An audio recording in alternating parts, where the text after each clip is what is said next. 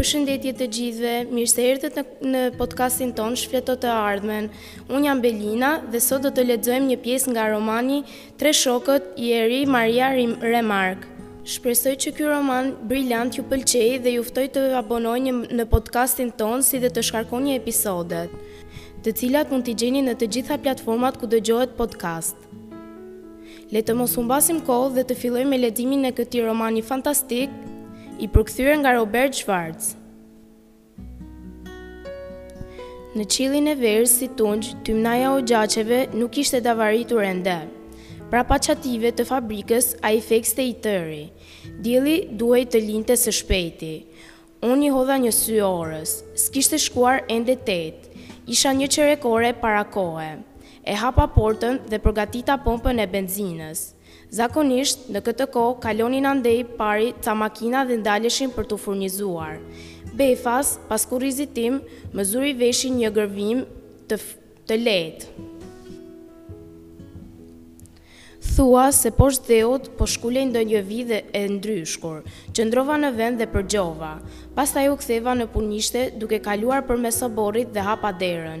Në sallën gjysmë të errët, fantazëm. Ajo kishte lidhur në kokë një shami të bardhë, por të ndotur, kishte veshur një përparëse bojëqielli, kishte mbathur një palë pantofla të trasha Tundte një fshesë ndër duar. Peshonte nëntëdhjetë kile dhe ishte pastruesja jonë Matildë Shtosi.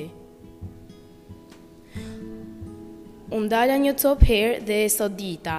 Tek sorollatej ashtu mes veglave dhe radiatorëve të automobilave, duke kënduar me zë të mbytur baladën e husarit besnik, mund të krahasohej shumë bukur me një hipopotam të lezetshëm. Mbi tryezën pranë dritares ndodheshin dy shishe konjaku. Njëra prej tyre ishte pothuajse e boshatisur.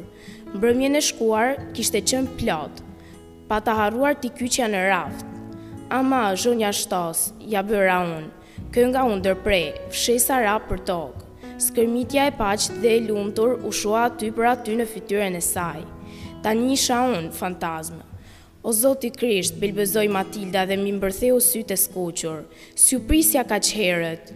Ju besoj, ju shijoi konjaku? Kjo s'do mend, por më vjen zor! Ajo fshiu buzët me dorë, sikur ndjej një boshllëk. Mos e bëni kaq të madhe, nuk ndjeheni bosh, por ndjeheni plot, Plot si një dëng. Atë mezi e mbanin këmbët. Buza e sipërme i dridhej dhe qepallat i përpëliteshin si të një bufi të plakur. Por dalngadalë arriti ta mblidhte veten. E vendosur, bëri një hap para. Zoti Lokamp, Njerëz jemi, në fillim, sa i mora pak erë. Dhe pastaj piva një gëllënkë. Meqënëse, siç e dini dhe vetë, stomakun s'e kam kurrë në rregull, Por dhe pastaj do të më ketë hyrë shejtani në bark. Fundja, s'është mirë të tundohet një grua e gjorë, duke ia lënë shishet mu përpara hundës. Nuk ishte hera e parë që e pikasja në këtë gjendje. Çdo mëngjes, ajo vinte nja dy orë, sa për të pastruar punishten, dhe pastaj, mund të lije para sa të, dhe mund të lije para sa të doje andej-këndej, si të ta kishte qejfi, ajo s'të trazonte gjë me dorë. Por pijeve, ama, u vërsulej si macja miut. E mora shishen dhe e ngrita përpjetë. Natyrisht, konjakun e klientëve s'e keni prekur, kurse atë të mirin, që e kishte, që është i zotit Këster, e paskeni përlarë. Mbi tiparet e vyshkura të Matildës rrëshqiti një nënqeshje. S'ke ç'i thua, ë? Sa për nuhatje s'ma hedh njeri, por mos të. Do të më kallëzoni, zoti Lokamp? Mua një vejushë pa mbrojtje? Unë tunda kokën. Sot jo! Ajo rregulloi fustanin. Atëherë po ia mbath sa më shpejt. Po të vijë zoti Këster e të më gjejë këtu, o zot i madh! Iu afrova raftit dhe e hapa. Matildë! Ajo erdhi pranë meje me çape të shpejta duke u tundur si patë. Unë nxorra një shishe katërkëndëshe ngjyrë kafe dhe ia afrova pranë fytyrës. Menjëherë i ngriti duart në shenjë proteste. Këtë s'e kam bërë unë! Për nder, ju betohem, këtë shishe s'e kam prekur fare! E di! i thashë dhe e mbusha një gotë deri në buzë. Po a e njihni të paktën se ç'është? Qysh s'e njihkam, ajo lëpiu buzët. Rum, rum i vjetër Xhamajke. Në rregull, atëherë merreni këtë gotë dhe pijeni. Unë? Ajo bëri ca hapa pas. Zoti Lokamp, kjo është e tepërt. Më përcëlluat fare. Unë, budallaçka, ju vodha konjakun kurse ju po më qerasni dhe me një rum? Shenjtor jeni, shenjtor i vërtetë, ju them. Më mirë të ngordh se sa të pranoj këtë. Epo, i thashë dhe bëra sikur po e largoja gotën. Mirë pra, ajo ma rrëmbeu nga dora. Të mirën duhet ta marrësh ashtu siç të vjen.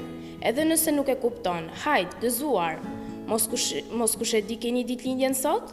Po, Matild, i ratë në të! Vërtet? Ajo më shtrëngoi dorën dhe më shkundi mirë e mirë. Ju uroj nga zemra, paçi e dhënçi gjithmonë, zoti Lokam! I fshiu një herë buzët. Më prekët jashtëzakonisht, prandaj, duhet të lag patjetër dhe me një gotë të vogël. Apo ju, apo s'ju kam si djalin tim! Në rregull! i mbusha dhe një gotë, ajo e rrëkëlleu menjëherë dhe u largua nga punishtja me një mijë urata e bekime. E vura shishen në vend dhe ula u ula në tryezë.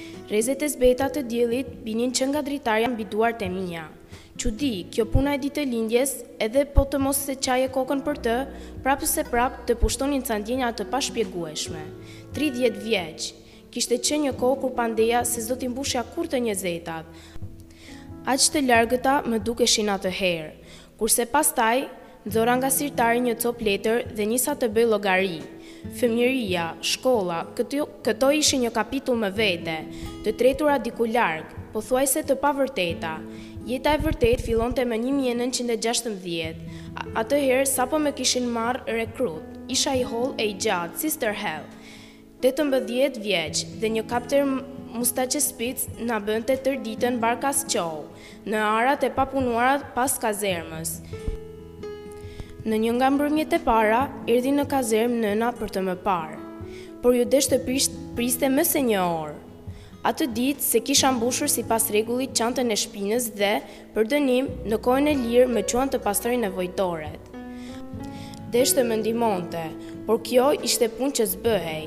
Pastaj qau, kurse unë e ndjeja veten aq të rraskapitur, sa që më zuri gjumi pranë saj.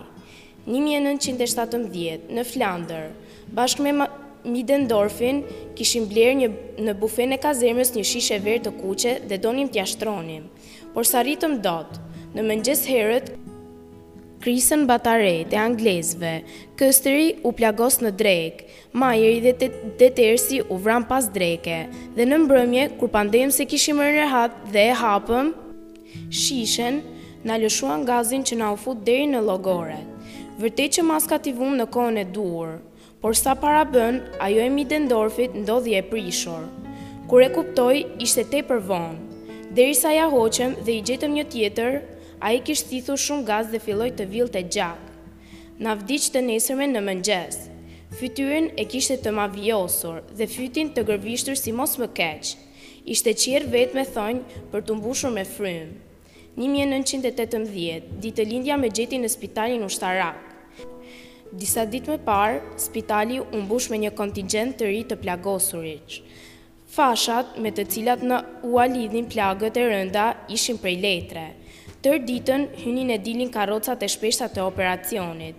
Nganjëherë ktheheshin bosh. Në krevatin pranë meje ishte shtrirë Jozef Shtoli. Ai s'i kishte më këmbët, por këtë nuk e kishte marrë vesh ende. Kur e shihja ashtu të shtrirë, s'e kuptoje gjë, sepse poshtë batanijes ndodhej një rrjet teli. As ai vetë s'kishte për ta besuar, meqë i qe mbushur mendja top se i dhimbnin këmbët. Natën, në dhomën tonë, vdiqën dy vetë. Një, njërit syresh i doli shpirti me mundime të mëdha.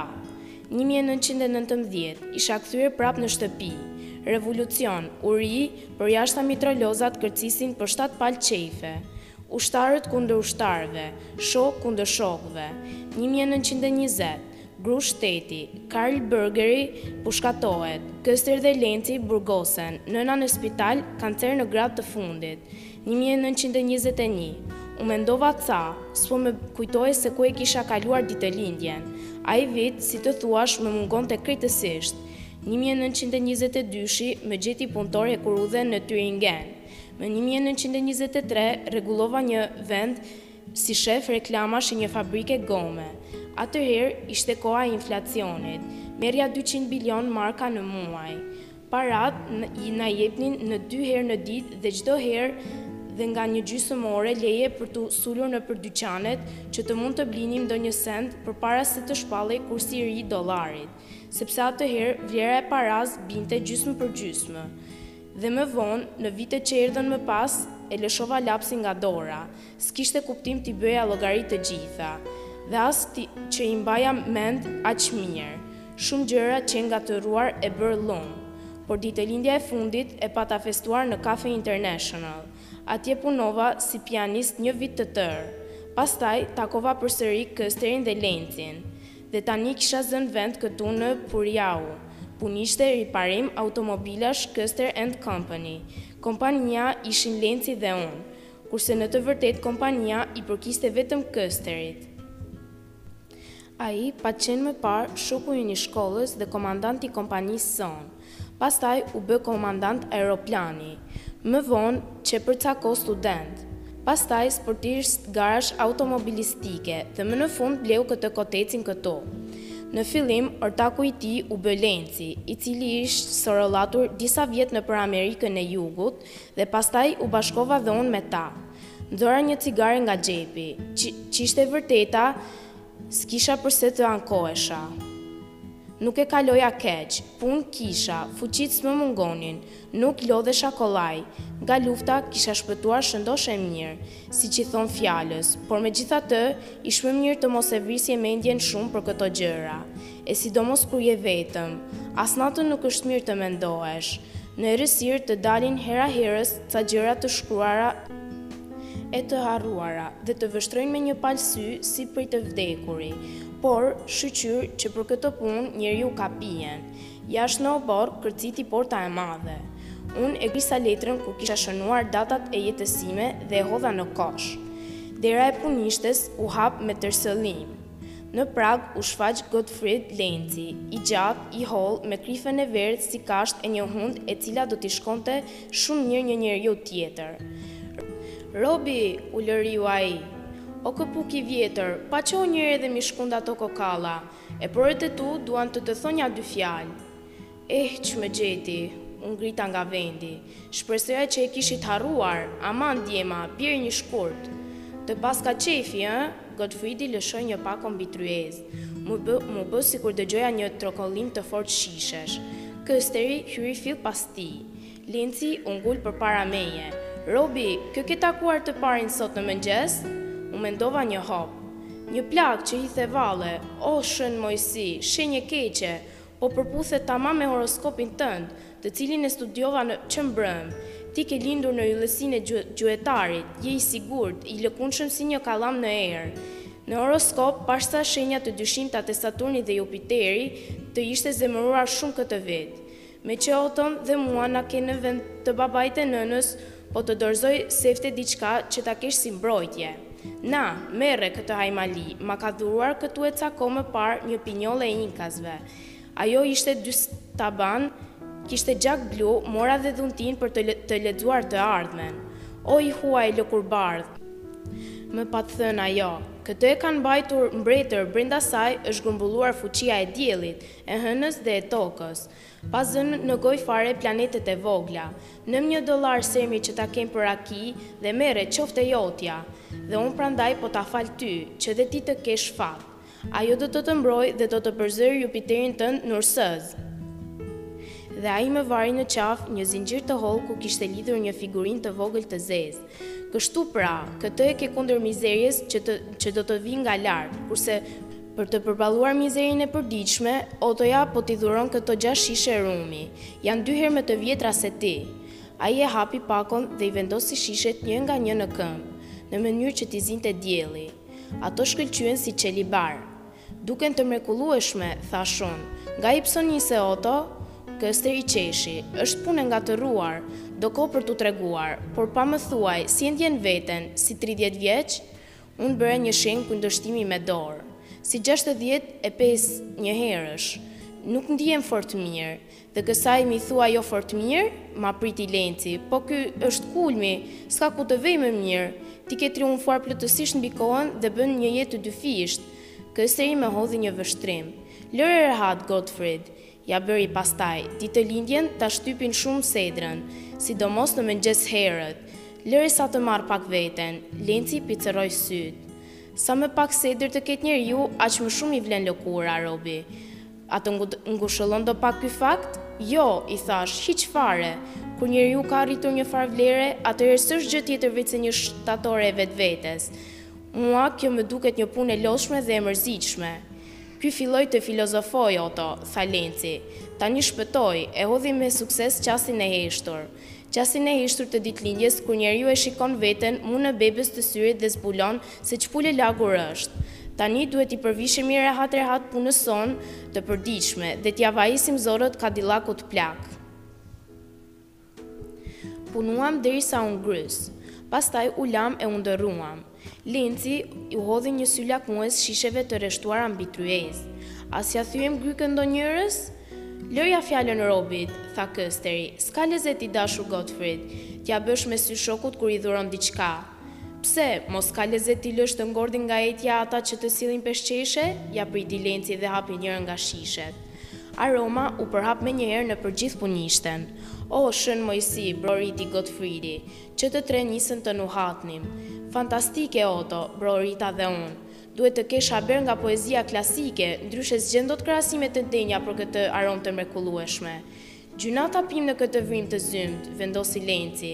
E dini ç'bëjmë? Shkojmë diku jashtë qytetit. E marrim shishen me vete dhe hamë dhe darkë. Në natyrën që ka krijuar Perëndia, do t'ia nxjerrim fundin. Hata fare! ia bëri Kësteri. Kadillakun me të cilin ishin marrë deri atë pasdreke e shtymë në një anë. Pas tij qëndronte mbi katër rrota një gjë fort e çuditshme. Ishte automobili i Oto Kësterit, një makinë kurse, krenaria e punishtes sonë. Kur e pat marrë Kësteri atë automobil thuajse falas në një ankand, ai i kishte tamam pamjen e një karatine. Ca njerëz që merrinin nga zanati dhe e panë asokohe, thanë pa pikë ngurrimi se ishte një antikë interesante, e denjë për një muze mjetesh qarkullimi. Bolvisi, pronar i një fabrike palltosh të gatshme grash, i cili ishte dhe tifoz i madh i garave automobilistike, e këshilloi Oton që ta bënte makinë qepse atë arkë të vjetër. Por Kësteri s'ia vari askujt. Ai e çmontoi automobilin copa-copa. Sikur të ishte sahat xhepi, dhe punoi në të tërë ditë e natë, për muaj të tërë. Pastaj, një natë prej netësh, ia beu me gjithë automobil mu përpara barit ku ne rrinim zakonisht. Kur e pa përsëri Bolvisi, ia plasi gazit sa mend u rrëzua nga karrigia, aq e çuditshme dukej makina ende. Për shaka, i propozoi Otos një bast, ai qe do të vinte njëqind marka kundër njëzetëve, Në qoftë se Kësteri do të pranonte të futej në garë me automobilin e ri sportiv, të cilin Bolvisi sapo e kishte blerë, largësia do të ishte dhjetë kilometra dhe Bolvisi i falte një kilometër avancë makinës së Otos. Kësteri e pranoi bastin. Të gjithë u gajasën së qeshuri dhe u mprehën për të parë këtë komedi të madhe. Por Otoja bëri dhe diçka më tepër, nuk e pranoi avancën që i fali Bolvisi dhe, Pa ia bërë syri tërr, u ngrit basti një mijë marka kundër një mijëve. Bolvisi mbeti me gojë hapur dhe e pyeti se mos ishte bërë për çmendinë. Si përgjigje, Kësteri ndezi vetëm motorin e makinës së vet. Sakaq, të dy u nisën menjëherë për t'i dhënë fund kësaj meseleje. Pas një gjysmë ore, Bolvisi u kthye aq i hutuar e i shushatur, thua se ish përleshur me një bollë deti. Pa nxjerrë fjalë, e mbushi çekun për një mijë marka dhe pastaj nënshkroi dhe një të dytë. Kishte ndër mend ta blinte automobilin në vend. Por Kësteri e përqeshi dhe e talli sa mundi. Sikur t'ia peshonin dhe me flori atë makinë, ai s'e lëshonte më nga dora. Por, sado në rregull që ishte ajo për brenda, nga jashtë nuk shihej dot me sy. Për nevojat e përditshme, ne i kishim montuar një karroceri të modës së vjetër, e cila i bënte tamam. Llaku i ishte ciflosur në mjaft vende. Parafrangot i kishte të krisura dhe mbulesat i kish kaluar të dhjetë vjetët. Të gjitha këto kishim mundësi t'i rregullonim më mirë, por patëm dhe një arsye që s'e bëmë. Automobili quhej Karl, Karli lugati i autostradave. Karli fluturonte me të katra. Oto, thashë unë, po na afrohet një viktimë! Pas nesh u dëgjua boria e një buiku të vjetër. Ai na arriti shpejt. Pas pak të dy radiatorët u mbushën pranë e pranë. Njeriu në timon na e hodhi një vështrim mospërfillës. Kurse Karlin e zgjebosur e pa me përbuzje. Pastaj e ktheu kokën dhe, me sa duket, na harroi fare. Disa sekonda më vonë, u detyrua të na vërë re se Karli ndodhej ende përbri tij. Ai u shkund ca, na shikoi me një buzëqeshje tallëse dhe shkeli gazin. Por Karli s'u tund. Po si një qen gjau i vogël e i shkathët, pranë një buldogu të madh, ai vazhdonte të mos shqitej asaj lokomotive që vezullonte nga nikeli dhe verniku. Kundërshtari ynë e shtrëngoi timonin dhe më fort. As un, as nuk i shkonte ndërmend që ne i kishim, e kishim hallin ta kalonim, prandaj dhe i kish përdredhur buzët me qëndësi. Dukej açik se ia kishte ënda të na tregonte aftësitë e makinës së vet. E shkeli aq shumë pedalin e gazit sa që skapamentoja filloi të cicërojë si një trumbë lauretash në një luadh. Por edhe kjo i shkoi huq, s'na e la dot prapa. Karli ynë i shëmtuar Për ibret i qe bërë ferrë e s'i ndahej asnjë pëllëmbë. Njeriu në timon na i hodhi një sy i habitur, s'i hynte dot në kokë që, me një shpejtësi prej më se njëqind kilometrash, nuk po e hiqte dot qafe këtë karakatinën tonë. I çuditur, i hodhi një shikim të shpejtë kilometrazhit të vet, duke pandehur se mos i qe prishur. Pastaj e shkeli gazin deri në fund. Tani, automobilat fluturonin tamam si në një vijë, tamam në një vijë nëpër autostradën e gjatë e të drejtë. Pas disa qindrash metrash, nga ana e kundërt u shfaq një kamion i madh. Buiku u detyrua të futej pas nesh, për t'i hapur rrugë. Sado Sapo u ndodh përsëri krah për krah me Karlin, ia behu një makinë varrimi me kordele kurorash që valëviteshin nga era, dhe buikut iu desh të bënte prapa mënjanë. Pastaj rruga mbeti e lirë. Njeriu në timon e kishte humbur ndërkohë të gjithë fodullëkun e vet. I inatosur me nofullat e shtrënguara, rrinte i kërrusur përpara, e kishin zënë ethet e garës, dhe me sa dukej, i qe mbushur mendja top, se do të humbiste nderin po të linte brumbullin tonë të shkalafitur që t'ia kalonte. Kurse ne rrinim në ndenjëset tona, gjoja krejtësisht mospërfillës, për ne Bujiku s'ekzistonte fare. Kësteri ndiqte i qetë rrugën, ndërsa unë kisha ngulur sytë qiellit, si për të hequr mërzinë, dhe Lenci, megjithëse nuk e zinte vendi, Nxori nga xhepi një gazetë, thua se në ato çaste leximi ishte gjëja më e rëndësishme për të. Disa minuta më vonë, Kësteri na i shkeli syrin. Pak e nga pak, Karli filloi të mbetej pas dhe Bujiku doli përpara. Parafrangot e tij të gjera e xixëlluese na kaluan mu para hundës. Skapamentoja na verboi sytë me shtëllunga tymi të kaltër. Dalngadalë ai na iku nja njëzet metra përpara dhe në dritare doli fytyra e pronarit duke u zgërdhirë nga qejfi. Ai pandete se na i hodhi. Por, me sa dukej nuk u kënaq me kaq. Nuk i durohej derisa të mos e merrte hakun mirë. Na e bëri me dorë që ta ndiqnim pas. Madje, ajo shenja e tij na u duk tepër krenare dhe plot besim në fitore. Oto! ia bëri Lenci me qëllim që t'i tërhiqte vëmendjen Kësterit. Por s'qe nevoja që të hapte gojë. Në atë çast, Karli kërceu përpara. Kompresori fishkëlleu. Dhe përnjëherësh dora që na e bënte me shenjë nga dritarja u zhduk. Sepse Karli e pranoi ftesën, ai e ndoqi. Madje, e ndoqi shumë bukur, duke e kaluar distancën menjëherë. Dhe tani, për herë të parë, ne u shtirëm sikur po e vinim re automobilin e huaj. Pa të keq, i hodhëm një vështrim pyetës njeriut në timon. Deshëm ta merrnim vesh pse na e pat bërë me dorë që parë. Por ai shikonte i përqendruar nga ana tjetër e rrugës dhe Karlit të cilit Kësteri ia kish shkelur pedalin e gazit deri në fund, e parakaloi tani ashtu siç ishte, shëmtaraq, i ndotur dhe me Parafrangot e ndera si flatrat. Një zgjebarak fitimtar. Të lumtë Oto, ç'ia punove mirë, i tha Lenci Kësterit. Atij mashkulli s'do t'i hahet darka sonte. Këto gjuetira ishin shkaku që ne nuk e ndërronim karrocerinë e Karlit. Na kish zënë belaja, sapo dilte ai në rrugë, menjëherë ndokush përpiqej ta kalonte e ta linte pas. Ai dukej si një sorrë e gjymtuar, së cilës i vardiseshin një tufë macesh të uritura. Më të urta familjare, i ndërsente si me magji dhe i ftonte që ta ndiqnin e ta kalonin. Dhe vetë pleqtë me dy pëllëmbë mjekër pushtoheshin nga ethet e garës. Kur e shihnin atë arkë të vjetër, tek hidhte valle mu përpara hundës. E kujt mund t'i shkonte ndërmend se në atë vjetërsirë qesharake rrihte zemra e madhe e një motori të fuqishëm, Të krijuar për gara automobilistike. Lenci ngulte këmbë që Karli shërbente si mjet edukimi.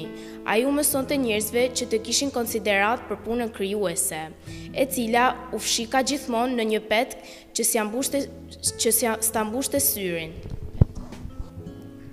Kështu thoshte Gotfrid Lenci, i cili dhe për veten e vet ngulte këmbë se ishte i fundi i fundmi i romantikëve.